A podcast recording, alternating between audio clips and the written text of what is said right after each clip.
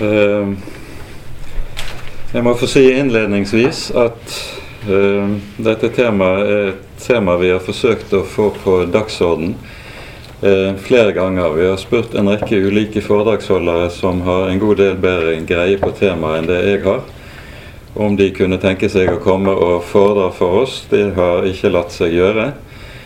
Uh, og så har enden på visen blitt at jeg prøver å si litt om det selv. Jeg har sittet og klort med denne tematikken og lest meg inn på tematikken ganske mye det siste halvåret i hvert fall. Eh, så kanskje et og annet kan være verdt å få med seg. Eh, innledningsvis så har jeg lyst til å lese et lite avsnitt fra Olav Valen Senstad sin bok eh, Guds allmakt og det sataniske, som kom ut eh, like etter krigen. Eh, her har han et avsnitt om tidsånden, og skriver følgende om denne. Tidsånden faller i stor utstrekning sammen med det vi med et moderne ord kaller for mentalitet. Dvs. Si en innstilling og forholdsmåte, en tankemåte, yndlingsideer og strømninger som på en bestemt tid preger og behersker visse helheter av mennesker som hører sammen. Det enkelte slektledd i en nasjon eller verdensdel, visse lag av befolkningen, visse slekter. Slik tidsånden er, slik er det naturlig for oss å tenke og tale og oppføre oss. I den grad tidsånden er noe naturlig for oss, at i den grad er tidsånden noe naturlig for oss, at det skal en endog høyt utviklet åndelig og kristelig sans til for å oppdage den. Og det skal et overmåte stort mot og en fast karakter til for å bryte med den. Tidsånden er det som bestemmer hva som er moderne. Og vi vet hvordan det er ved oss om vi ikke er moderne og følger med tiden. Er man ikke moderne, da har man ingenting man skal ha sagt her i verden. Tidsånden er liksom en hemmelig makt mellom oss som lyser oss i uforsonlig bann om vi våger å antaste den. Derfor er tidsånden også slik at den i seg selv er en art forblindethet og virker forblindende, selv på oppriktige og bra mennesker. Den forvirrer deres vurderingsevne, så de vurderer under dens innflytelse, selv der hvor de måtte mene seg å være personlig selvstendige overfor alt og alle. Den blender erkjennelsesevnen, som man likesom ikke kan erkjenne annet enn det tidsånden bestemmer. Den forfører i stor grad følelseslivet, som man bare finner det skjønt, det skjønt og interessant som den hevder. Det eneste som kan gi et menneske indre mot til å bryte med den og uforferdet gå sin egen vei, det er enten bare et omfattende og grundig kjennskap til menneskeslektens historie, paret med kritisk selverkjennelse og selvtukt, eller en rotfestet kristelig tro som i Guds frykt lar seg lede av Hans ord og ånd. Dette ble altså skrevet like etter krigen, og det er, tror jeg, like sant i dag som den gang. Bakgrunnen for begrepet postmoderne og postmodernitet, det ligger jo nærmest i begrepet. Det refererer til begrepet modernitet. Og moderniteten, det er noe som springer ut i og med opplysningstiden for drøyt 250 år tilbake fremveksten av den moderne rasjonalisme og humanisme. Post det sier noe om at denne perioden som moderniteten har som har rådet i og med moderniteten gjennom såpass lang tid, nå er gått mot sin avslutning, og noe nytt kommer i stedet. Og flere idéhistorikere som skriver om fenomenet, de mener at postmoderniteten er dypest sett modernitet, men Den er bare desillusjonert modernitet. Og en del av det som moderniteten nokså optimistisk håpet på å kunne virkeliggjøre, det har postmoderniteten sett. Det er ikke mulig. Postmodernisme-begrepet ble kom mer eh, aktivt i bruk først på 60-tallet, eh, i for, forrige århundre. Da til å begynne med som en reaksjon på modernismen innenfor kunst og litteratur. Så kommer du litt ut på 70-tallet. Da det gjør det seg gjeldende også i forhold til eh, kritikk mot moderniteten innenfor arkitekturen. Og så, på 80-tallet, for alvor, blir det en filosofisk hovedstrømning som kommer til etter hvert å ta over i hele akademia. I dag må det vel sies at mesteparten av intelligensiaen ved universitetene i Vesten er preget av det du kan kalle for modernitetens, postmodernismens eh, idéstrømninger. Noen sentrale navn nevner vi allerede innledningsvis når det gjelder den filosofiske delen i postmodernismen. Først Hans Georg Gadamer som arbeidet intenst med hermeneutikken som problem. Gadamer var elev av filosofen Heidegger i Tyskland og viderefører svært meget av hans tenkning. Dernest må vi nevne Jean-Foy Lyotard. Uh, han døde i 1998. Og det er mange som mener at hans verk fra 1979, 'The Postmodern Condition', A Report on Knowledge, eh, så å si utgjør startskuddet for postmodernismen som med en hovedstrøm innenfor akademia. I tillegg må det nevnes to andre sentrale navn. Det første er Jacques Derrida, og det andre er Michel Foucault. Derrida er det som lanserer det vi kaller dekonstruktivismen. Eh, han arbeider egentlig med det som kalles for semiotisk analyse, men hans hovedtese er at enhver institusjon og enhver kulturytring i samfunnet, det er en sosial konstruksjon. Det gjelder alle forhold i samfunnet. Vi kommer tilbake til det. Dernest er det altså Michel Foucault, som driver med det du kan kalle for en slags avsløringens eh, hermeneutikk. Hans prosjekt er, av, er det å handle om å avsløre hvorledes alle forhold og alle institusjoner i samfunnet, det være seg ekteskap, eh, politiske institusjoner, kunst You name it. Alt sammen er uttrykk for makt. Der ulike grupper søker å herske over hverandre. Bakteppet hos han det er for det første Marx sin eh, tenkning om overbygningen som eh, den herskende klasses middel til å undertrykke arbeiderklassen, og dernest Nietzsche sin vilje til makt. Men hos Foucault får dette det uttrykk at ettersom det ikke finnes noe som er sant, så er alle sannhetspåstander bare uttrykk for forsøk på å oppnå makt overfor andre mennesker. Eh, mannen vil ha makt over kvinnen. De heterofile vil ha makt over de homofile. De hvite vil ha makt over de svarte, osv. Alt er bare et maktspill, slik Foucault forstår virkeligheten.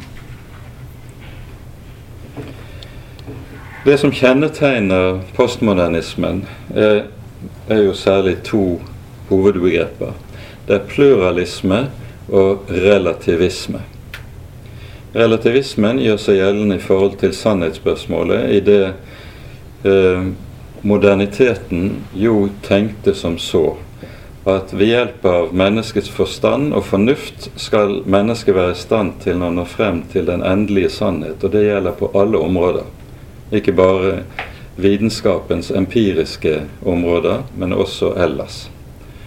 Postmodernismen har mistet troen på dette. Derfor blir etter hvert alt relativt. Um, med det til følge at du også blir stående med et, i et samfunn der alt er relativt. Der må pluralismen med nødvendighet bli det som er det rådende.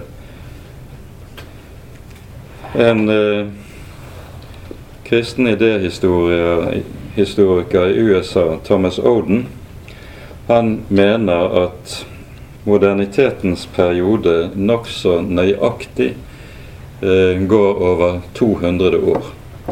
Den begynner for alvor i 1789, 14. juli, med den franske revolusjon, da Bastiljen stormes og går, ryker over ende. Og den ender, i, ifølge Oden, i 1989, 9. november, med Berlinmurens fall. Med Berlinmurens fall så er det ifølge Lyotard også slutt på en av de viktigste metafortellingene innenfor modernismen. Vi kommer tilbake også til det begrepet, nemlig marxismen. En metafortelling det er en hovedfortelling som så å si eh, skal kunne gi en begrunnet forklaring til, på hele virkeligheten. Slik tenker Lyotard. Og i, Innenfor moderniteten har du hatt en rekke slike metafortellinger. Marxismen er en av dem. Eh, Freud og freudianismen representerer en annen. Hegel prøvde med seg med en tredje. Dette er tankegangen i dette. Og I Lyotards eh, eh univers blir det også så, slik at den kristne forståelsen av eh, frelseshistorie og skapelse, det er en metafortelling. Den, en metafortelling er noe som eh, så å si definerer hele virkelighetsforståelsen og hvordan du forstår tilværelsen. Dette er altså eh, Odens analyse av dette. Så går det noen år, og du får 9-11 i USA. Og Her skriver en av disse som jeg har jobbet ganske mye med, Gene Edward Weath, som også er en kristen filosof og idéhistoriker i USA, at her skjer det noe radikalt med pluralismens forhold til religion i store deler av Vesten forut for 9-11 og eh, fallene til World Trade Tower, så hadde hele den pluralistiske måten å tenke på vurdert alle kulturer og alle religioner som prinsipielt likeverdige. Alle like gode. Ingen har rett til å si at den ene er bedre enn den andre. Så kommer terrorangrepet i New York 9-11. Og plutselig får du en situasjon i, i hvert fall i amerikansk kultur hvor man er villig til å si det er noe som er ondt, og noe annet som er godt. Men det varer ikke veldig lenge før postmoderniteten så å si tar arenaen tilbake og sier det er ikke sånn at alle kulturer og alle religioner er like gode. Alle religioner er like onde. Det å hevde en religions absolutte sannhet er i seg selv noe som er ondt, og som er negativt. Og fra det tidspunktet av så blir fundamentalismen det som er så å si et av de verste skjellsordene som kan anvendes innenfor eh, det postmoderne universet og i hele den vestlige kulturen. Det å hevde at noe er absolutt sant, det er uttrykk for fundamentalisme. Og ofte i hele denne retorikken ikke, ser man ikke veldig stor forskjell på islamsk fundamentalisme og kristen fundamentalisme. Og det er denne omsnuingen som kommer til å bli bakteppet for den radikale ateismen, som etter hvert gjør seg gjeldende med Richard Dawkins i førersetet, som jo hevder med stor styrke nettopp at religionen er ond. Den er moralsk forkastelig. Vi er kommet til det stadium i historien at mennesket nå burde vokse fra det religiøse stadium og bli modent. Han er litt sent ute, for uh, Immanuel Kant mente jo nøyaktig det samme et par hundre år tidligere. Men før vi går videre, noen ord om uh, moderniteten. Før vi altså gir oss For vi må ha noe av det bakteppet med oss. Startskuddet for opplysningen det regner man vanligvis med at det er den franske filosofen Descartes som eh, representerer. Han eh, er franskmann. Hans far var dommer eh, og kom til å få en sentral posisjon i den franske kampen mot hugenottene. Og den var jo ikke særlig barmhjertig. Eh, Descartes får en voldsom avsmak for alt det faren har stått for, og begynner å stille seg spørsmålet hvordan i denne religionskrigenes verden Han lever jo samtidig med 30-årskrigen. Hvordan kan man vite hva som er sant med visshet? Hvordan kan du slå fast med sikkerhet at noe virkelig holder? Så han begynner sitt filosofiske prosjekt med å tvile på alt, og kommer til slutt til sin, sin kjente sats det er én ting jeg ikke kan tvile på, og det er at jeg tenker. Jeg tenker, altså er jeg. Cogito ergo sum. Og så blir det da slik at det tenkende subjekt blir universets sentrum fra og med Descartes. Og det er dette Kant tar tak i når han kommer på banen og uh, eh, kommer til med sine tre kritikker til å bli den dominerende filosofen i Europas idéhistorie etter, etterpå. I 1781 skriver Kant 'Kritikk til reiner fornuft'. Um, syv år senere kommer 'Kritikk til praktiske fornuft'. kritikk av den praktiske fornuft. Uh, og så i to år etter det uh, kritikk der ordteilskraft. Kritikken av dømmekraften. Og disse tre verkene beskjeftiger seg med tre, de tre hovedpunktene som har vært klassisk i europeisk eh, idéhistorie. Det sanne, det gode, det skjønne. Kritikk til reine fornuft beskjeftiger seg med problematikken hva er sant? Hvordan kan vi i det hele tatt vite at noe er sant? Kritikk til praktiske fornuft beskjeftiger seg med spørsmålet rundt det etiske. Hva er rett? Hva er sant? Hva er godt? Og eh, det er her han kommer med sitt kategoriske imperativ som eh, det som er det grunnleggende i etikken. Du skal tenke om enhver handling som du gjør, at denne må ethvert menneske kunne gjøre. Hvis et mørkt menneske gjør dette uten at det blir problematisk, så er det en rett handling. Men hvis det er sånn at alle mennesker gjør det du gjør, og det vil få katastrofale konsekvenser, så vil det være etisk feil. Det er jo tankegangen litt forenklet hos, hos Kant. Kant blir eh, avkrevd spørsmålet eh, hva er svar på spørsmålet hva er opplysning? Og han svarer på dette i 1784 i noe som er et kjente ord som har vært kalt hans opplysningstidens programerklæring. Han skriver følgende i Berlinische Monats skrift i 1784. Opplysning er menneskets utgang fra sin selvforskyldte umyndighet. Umyndighet er menneskets uformuenhet med hensyn til å gjøre bruk av sin forstand uten en annens ledelse.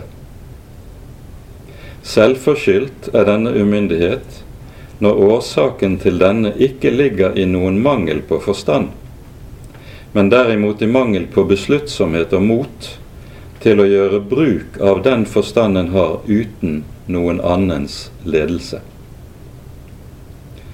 Sappere aude latinsk, det er valgspråket. Våg å bruke din forstand. Dette er altså opplysningens valgspråk. Slik skriver Kant. Og I den, denne korte avsnittet så møter vi en hel rekke begreper som kommer til å bli helt sentrale i moderniteten som følger.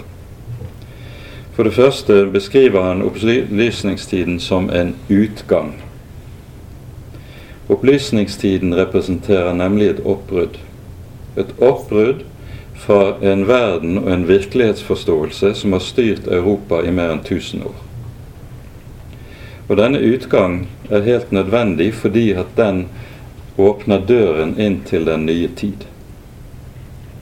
Og så får du det som kommer til å kjennetegne hele europeisk kultur etter dette, og som har vært beskrevet ved hjelp av begrepet neofili kjærlighet til alt som er nytt. Bare noe er nytt, så er det bra. Hvis noe er gammelt, så er det per definisjon dårlig. Hvis noe er tradisjonelt, så har det en negativ hake ved seg. Dette neofilibegrepet rammer i en sum hele ønsket om moderne, det moderne. For det andre bruker han begrepet umyndig. Det er menneskets utgang fra sin selvforskyldte umyndighet. Det som nå kommer på banen, er det som har vært kalt for det myndige mennesket.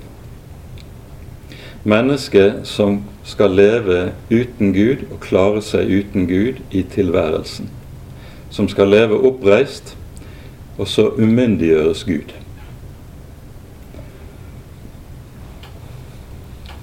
For det tredje anvender han begrepet forstand. Det er menneskets ratio, fornuften, som skal være det som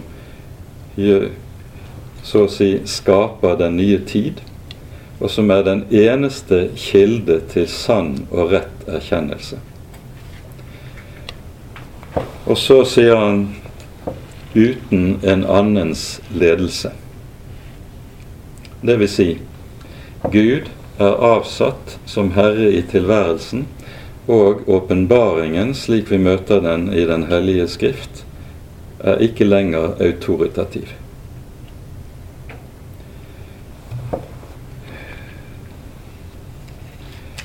Kant møter i sin samtid radikal kritikk fra en herre som uh, har vært nærmest ukjent i 200 år. Han ble gjenoppdaget på slutten av eh, 1900-tallet. Johan Georg Hamann. Et uhyre interessant navn.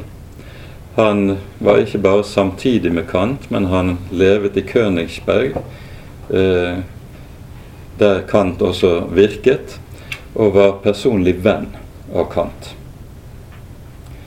Og det er bl.a. Hamann som gjør eh, Kant kjent med Humes skrifter fra engelsk deisme. Eh, og eh, Kant sier selv at dette medvirket til hans egen oppvåkning. Så å lese Hume var uhyre viktig for Kant. Så skjer da det. Haman var altså en del av hele opplysningstenkningen og dette drivet som du fant i tysk og i fransk filosofi, også engelsk filosofi på denne tiden. Harman eh, arbeider i et firma i det lokale næringsliv og blir sendt på forretningsreise til London i 1758.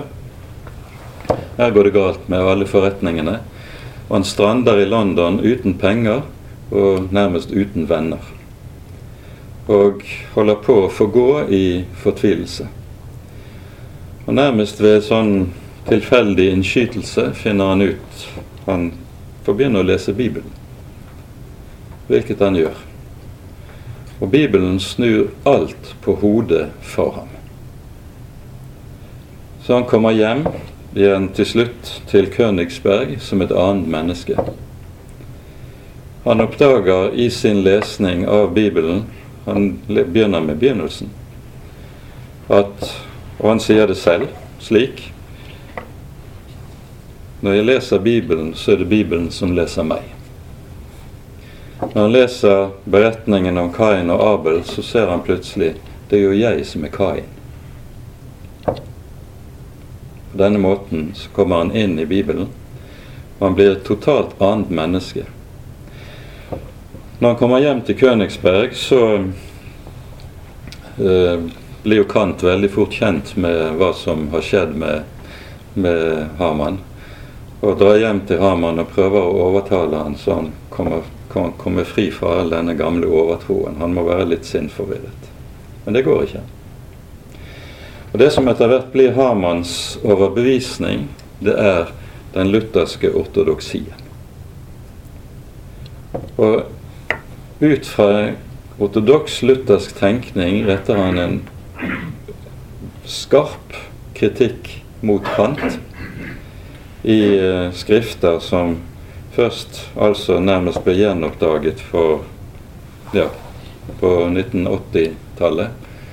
Uh, eh, Søren Kjerkegaard setter Harman uhyre høyt.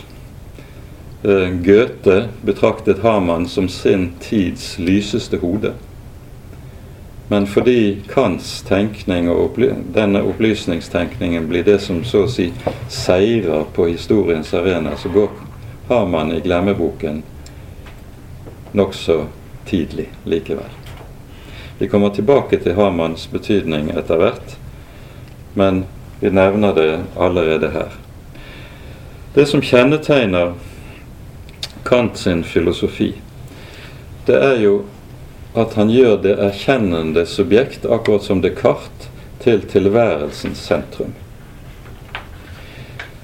Men han gjør det på en sånn måte at han sier at virkeligheten slik som den er an sich, er noe som er uerkjennbar. Virkeligheten er transcendent. Vi kan ikke kjenne virkeligheten slik den virkelig er. Vi kjenner bare virkeligheten slik den blir silt gjennom våre egne sanser og våre egne kategorier i sinnet. Um, når Harman kritiserer Kant, så sier han om Kant at det som er Kants problem, det er hans gnostiske hat mot virkeligheten. Det er meget interessant at har man allerede oppdaga dette problemet med forholdet til virkeligheten som beslektet med oldtidens gnostisisme. For Det er nettopp det som vi ser i den moderne, det vi kan kalle den postmoderne eh, tankeverden. I samtiden har du også en annen reaksjon på rasjonalismen hos Kant og de ledende filosofene. Og den kommer fra romantikken. Typisk er denne tidligst representert ved Rousseau. Og Det som kjennetegner Rousseau, det er hans øh, Hva skal du si Hans kritikk mot sivilisasjon. Sivilisasjon og dannelse, det er noe som ødelegger mennesket. Mennesket må tilbake til det opprinnelige, til det primitive. Og I dette er det du får senere romantikkens svermeri for urfolkene, som jo er uskyldige, de er ubesmittet av sivilisasjonen. Sammen med dette har du også Rousseaus veldig skarpe kritikk mot alt som heter dannelse. Dannelse er noe som ødelegger menneskets opprinnelighet. Det ødelegger barnets opprinnelighet. Det er en del av tenkningen hos ham.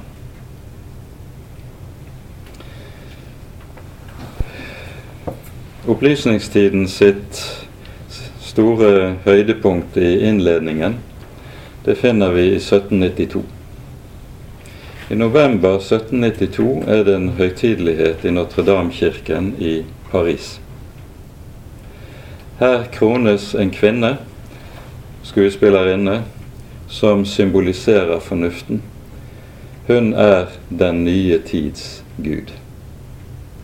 Og så leses den nye tids Bibel opp for forsamlingen i Notre-Dame-kirken. En har knust alle glassmalerier. All kirkekunsten er kastet ut. Kirken er naken. Og så leses altså Den nye tids bibel opp. Og det er den første menneskerettighetserklæring. Og med det har vi kommet inn i moderniteten slik den gradvis kommer til å gjøre seg sterkere og sterkere gjeldende i europeisk åndsliv. For det denne åndsstrøm kommer til å bety i sterkere og sterkere grad, er jo at vi, den bevirker avslutningen av den konstantinske æra. Den konstantinske æra begynner jo, som navnet sier, med Konstantin, som gjør kristendommen til foretrukket religion i år 324. Hans etterfølger Theodosius gjør i 381 kristendommen til statsreligion. Og ti år senere forbys all annen religion i Romerriket.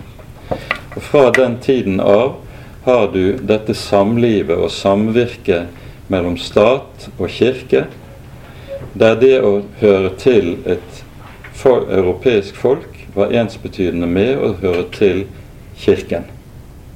Kirke og folk var en enhet. Nasjon og kirke var en enhet. Oppløsningen av dette enhetsbåndet begynner med opplysningstiden. Det tar tid før det gjør seg gjeldende. Det er jo først for noen ganske få år siden at det kom ut av norsk grunnlov at vi er en evangelisk-luthersk religion som er statens offentlige religion. Så det har tatt sin tid.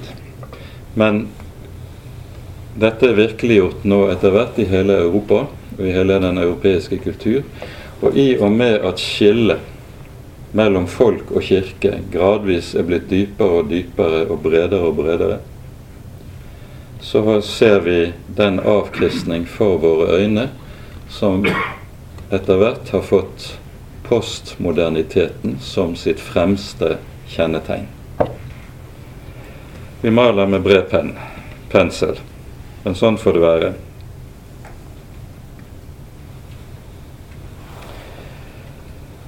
Vi nevnte der i dag. Han hevder altså med stor styrke at all virkelighet som vi beveger oss i, det er med henblikk på hvorledes vi tenker om det. Det er kun en kulturell eller en sosial konstruksjon. Alle institusjoner i samfunnet, ekteskap, kunst, religion, moral Alt sammen er kulturelle konstruksjoner. Dette videreføres innenfor bl.a. radikal feminisme, der du har et navn som Judith Butler, som er et helt sentralt navn. Hun tar dette helt ut og er den første som hevder at også kjønnet, som vi altså er skapt med, den skapte virkelighet, er også en sosial konstruksjon. I dag er dette blitt den dominerende retningen innenfor hele den, den seksualpolitikk som vi ser i hele Vesten. LHBTI eller LHBTQ, eller hva man nå vil kalle det for.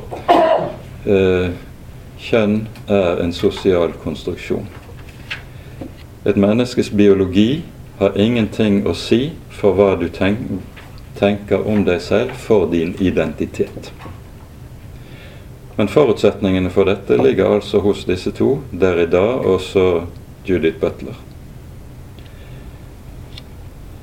Så har du Foucault med sin maktanalyse, med sin avsløringsstrategi, som lanserer dette som kalles for mistankens hermenautikk.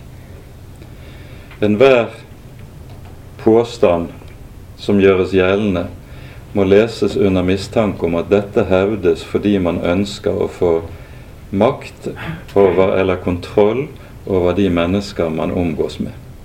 Alt handler om makt fordi det ikke lenger finnes noen sannhet. Dette får jo en dyp innvirkning på alt som har med politikk å gjøre. Fordi sannhet ikke lenger er noe som er mulig å hevde og finne, så blir alt bare spørsmål om hvilken politisk gruppe er det som skal ha makt og skal ha kontroll. Og så får du en evig maktkamp mellom ulike grupperinger i samfunnet.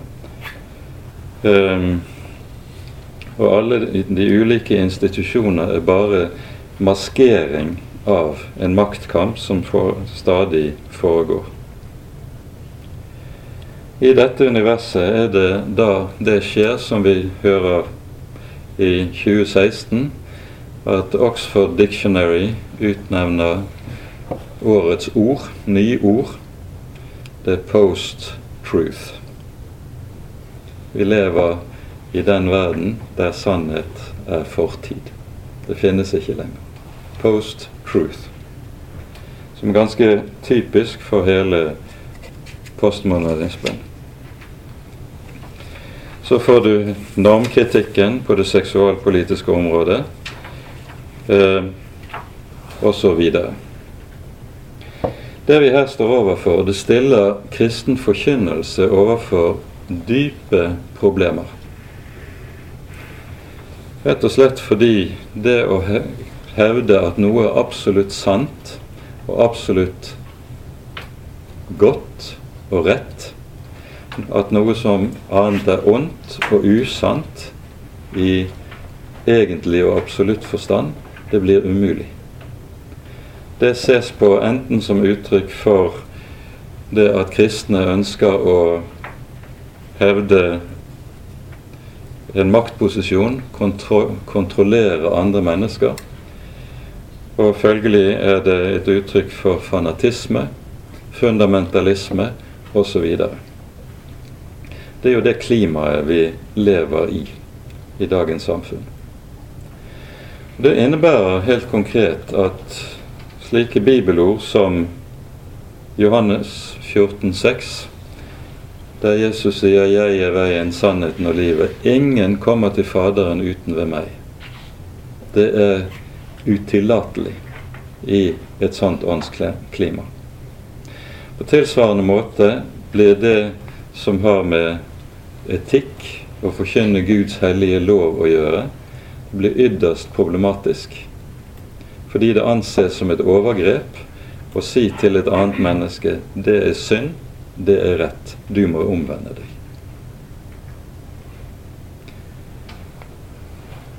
Så skal På denne, dette vis står vi dermed overfor det som blir et stort problem i en rekke ulike kristne sammenhenger. Man søker å tilpasse seg pluralismen. Kristendom i pluralismens tegn er noe som du finner i økende utstrekning i dagens norske kristenhet, for å begrense oss til vårt eget land. Leser du avisen Vårt Land, så representerer den kanskje aller tydeligst nettopp dette. kristendom i pluralismens tegn. Det ene er like godt som det annet.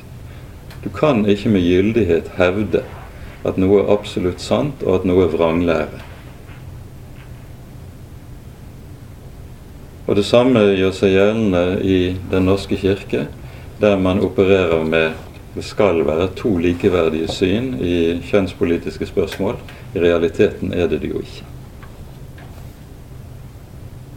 Det er bare tidsspørsmål før de som sier nei til homofilt samliv, som vil hevde at dette er synd, slik Den hellige skrift gjør det, vil også få det samme nei til sin eksistens som kvinneprestmotstanderne har fått det i dag. Det er bare et tidsspørsmål. Fordi Den norske kirke er blitt en institusjon som fungerer på postmodernismens pluralistiske premisser. Det er problemet. Og dette er jo teologisk sett noe som er i strid med Kirkens vesen. Pluralisme er i seg selv i strid med Kirkens vesen. Vi minner bare om Efeserbrevet kapittel 4. Én tro, én ånd, én dåp, én Herre, osv.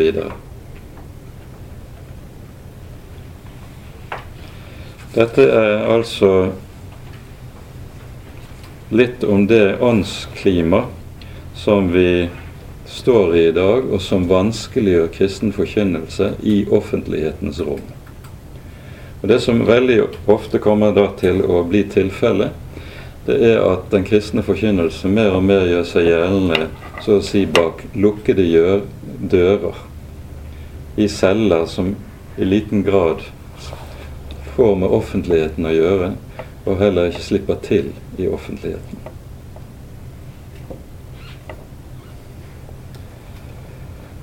Jeg nevnte Rousseau som eh, en representant for motreaksjonen mot rasjonalismen. Hans tilbake til naturen, tilbake til det primitive, det kommer til å få en særlig betydning inn i det postmoderne kultur, slik vi ser den for våre øyne i Vesten. Den gjør seg nemlig gjeldende innenfor populærkulturen. Populærkulturen og postmodernismen er som to søsken som går hånd i hånd. Det ene er utenkelig uten det andre, slik det fungerer i dagens samfunn. Den gamle kristne tenkning om kulturen, det er at kultur er foredling av natur. Dette ligger i skaperoppdraget. Det ligger i kulturoppdraget, slik det er gitt oss allerede i forbindelse med eh, det vi hører i skapelsesberetningen i Første Mosebok.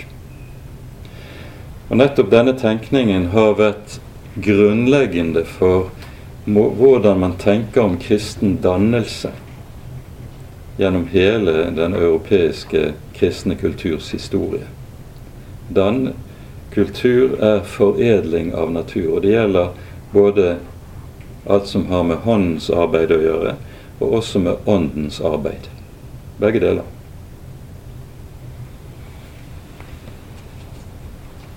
Det innebærer, Et sånt dannelsesbegrep innebærer med nødvendighet at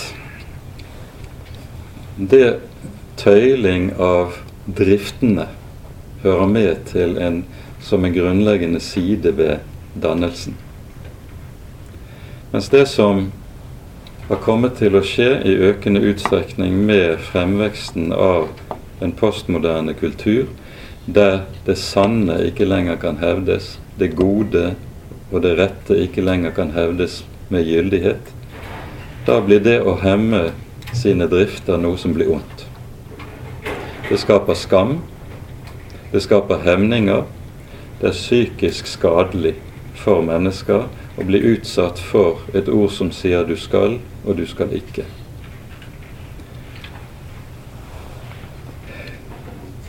Når dette har kommet til å gjøre seg gjeldende innenfor Europas kultur som det har gjort det, så henger det sammen med et trekk ved hele den vestlige kultur som er i veldig stor grad er oversett, men som jeg tror er helt grunnleggende å være oppmerksom på. Og det er det helliges død. Det hellige er borte fra kulturen. Det er intet lenger som er hellig.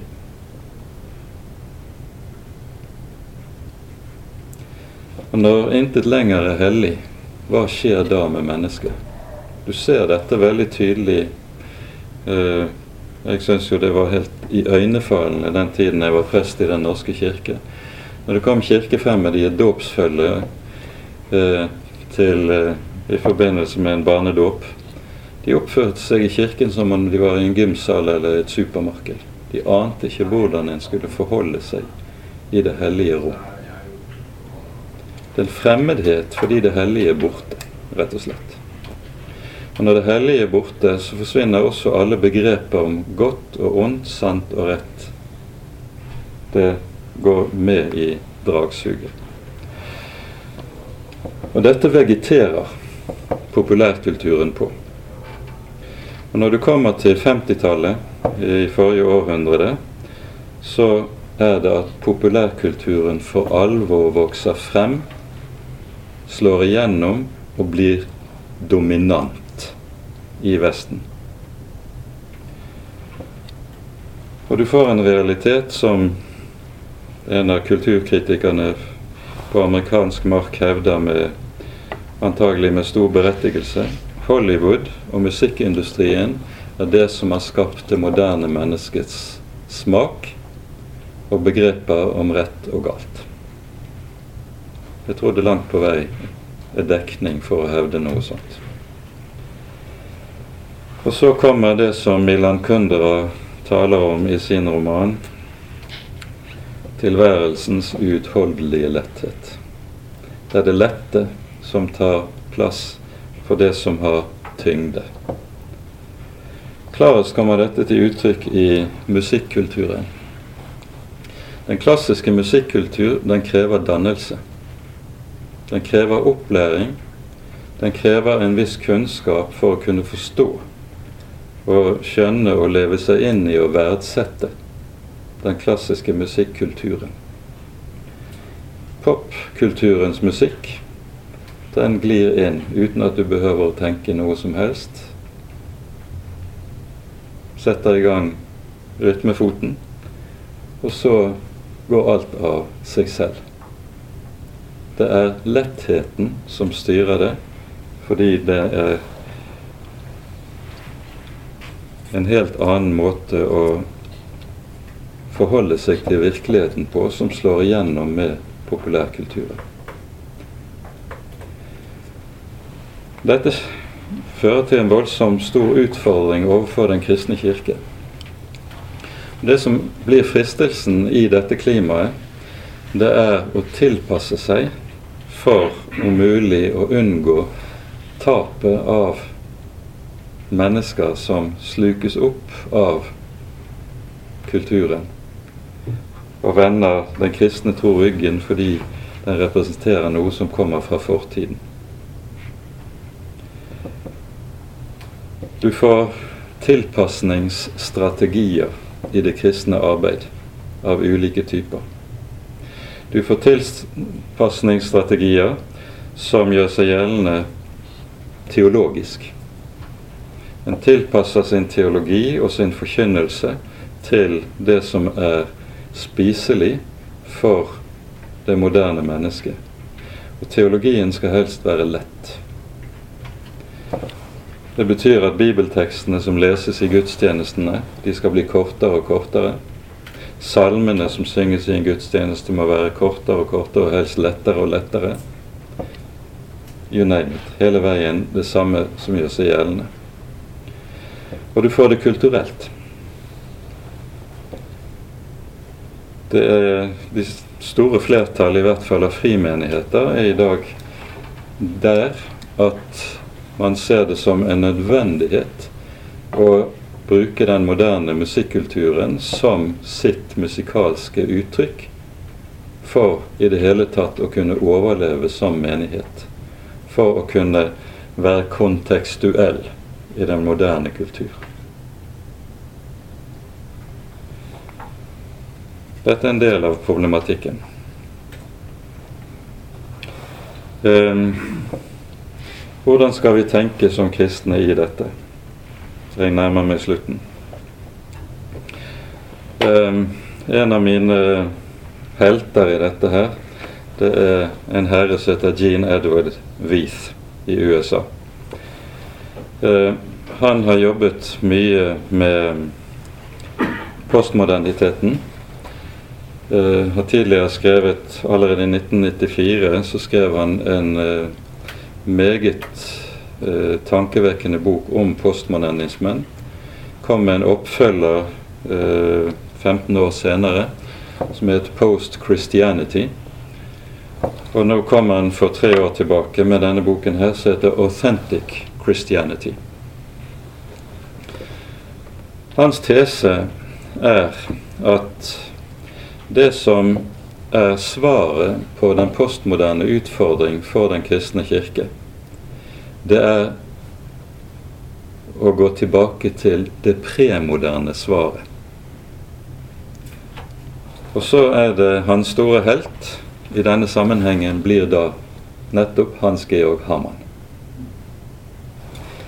Um, det er ganske interessant. Og det som er poenget hos um, det er at klassisk lutherdom er det som representerer det eneste relevante svar på eh, postmodernitetens utfordringer. Og han hevder det med utgangspunkt i, for det første, at det som kjennetegner postmoderniteten, er nettopp dens gnostiske drag. Problemet med forholdet til den skapte virkelighet.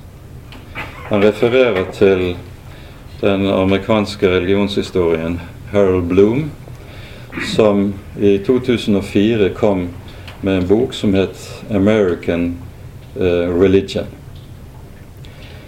Og Det Harold Bloom gjør, det er at han gjennomgår alle ulike religioner med opphav i amerikansk historie og kultur. Alt fra mormonisme til pentekontalisme osv. uh, det vet hva jeg mener. Uh, og han hevder at alle disse ulike retningene på ulik vis har gnostiske innslag problemer i forhold til den skapte virkelighet. Problemer i forhold til den skapte virkelighet fordi religionene har det moderne trekket at alt forankres i det subjektive. Og så får en problemer med forhold til den objektive virkelighet. Når vi hevder at Eh, klassisk lutherdom representerer svaret på den postmoderne utfordring, så hevder han det med bakgrunn i nettopp lutherdommens forhold til den skapte virkelighet. For det første tenkningen rundt første trosartikkelen og skapelsen, som er helt fundamental. For det andre frelsen som hviler i inkarnasjonen. Gud blir menneske og trer inn i den skapte virkelighet. For det tredje peker han på sakramentene. Frelsen blir kledd i kjøtt og blod i sakramentene. Og for det fjerde peker han på den lutherske kallsetikken. Menneskets liv i den faktiske hverdag, det er det som er Guds kall, og det er der meningen med livet er. Mennesket må ikke bort fra hverdagen for å leve gudslivet. Det er tvert om motsatt. Det er slik at Gud vil inn i hverdagen, slik at hverdagens liv blir gudslivet. Og Disse fire punktene, som alle understreker forholdet til den skapte virkelighet, det er noe som også kjennetegner luthersk teologi. Og han viser med stor styrke nettopp til Haman, som taler om den kenotiske Gud, og som hevder at Gud kenotisk bøyer seg ned i skapelsen når han skaper den materielle, fysiske virkelighet. For det andre kenotisk bøyer seg ned i inkarnasjonen og blir menneske av kjøtt og blod. Og for det tredje Den hellige ånd kenotisk kler seg så å si i kjøtt og blod i Den hellige skrift. På denne måten er det mennesket kan komme til rette med den skapte virkelighet, og ikke bli fremmed i virkeligheten fordi det hensynker i et selv som er isolert fra virkeligheten. Det er mye å tenke om og tale om i dette her som vi her er inne på. Der i dag hevder i en sammenheng slik Ettersom det ikke finnes noe transcendent logos, kan det heller ikke finnes noen objektiv mening i virkeligheten. Haman hevder det stikk motsatte, med utgangspunkt i Johannesevangeliets første kapittel. Det er transcendent logos, og dette logos er meningsbærende og meningsgivende i forhold til hele menneskets virkelighet.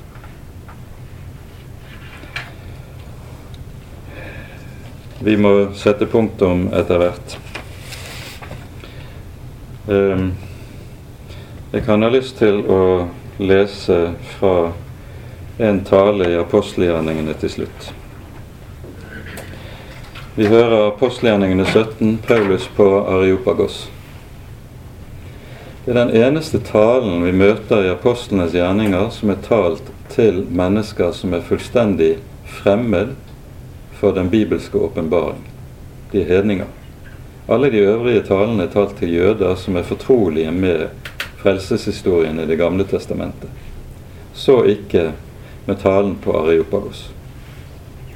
Hva begynner Paulus med her? Han taler om skapelsen. Han taler om skaperen. Han taler om hvorledes Gud skaper mennesket, og at hvert menneske stammer fra den ene. Og hvorfor gjør han det? For å gjøre det klart at fordi mennesket er skapt, så er vi også en skapning som skal stå til ansvar. Og så er det Paulus, når han kommer til eh, det som er talens høydepunkt, så hører vi i vers 30 Etter at Gud har båret over med uvitenhetens tider, befaler han nå at alle mennesker alle steder de skal omvende seg. For han har fastsatt en dag da han skal dømme verden med rettferdighet. Dette skal skje ved en mann han har utvalgt til det, etter at han har gitt fullgodt bevis for alle ved å reise ham opp fra de døde. Det er litt av en tale. Han sier ikke nå må alle sammen tenke seg om og huske at det kan nok være best å, å revurdere livet ditt. Han sier Gud befaler at alle skal omvende seg. Med det plasserer han budskapet sitt med en autoritet og en myndighet som sømmer seg i forhold til den virkelighet som Paulus som forkynner er satt til å formidle. Det er ganske tankevekkende akkurat denne talen i så måte. Med det tror jeg at jeg setter punktum. Mye mer skulle vært sagt og kunne vært sagt. Det er skrevet en uendelighet av bøker om dette her.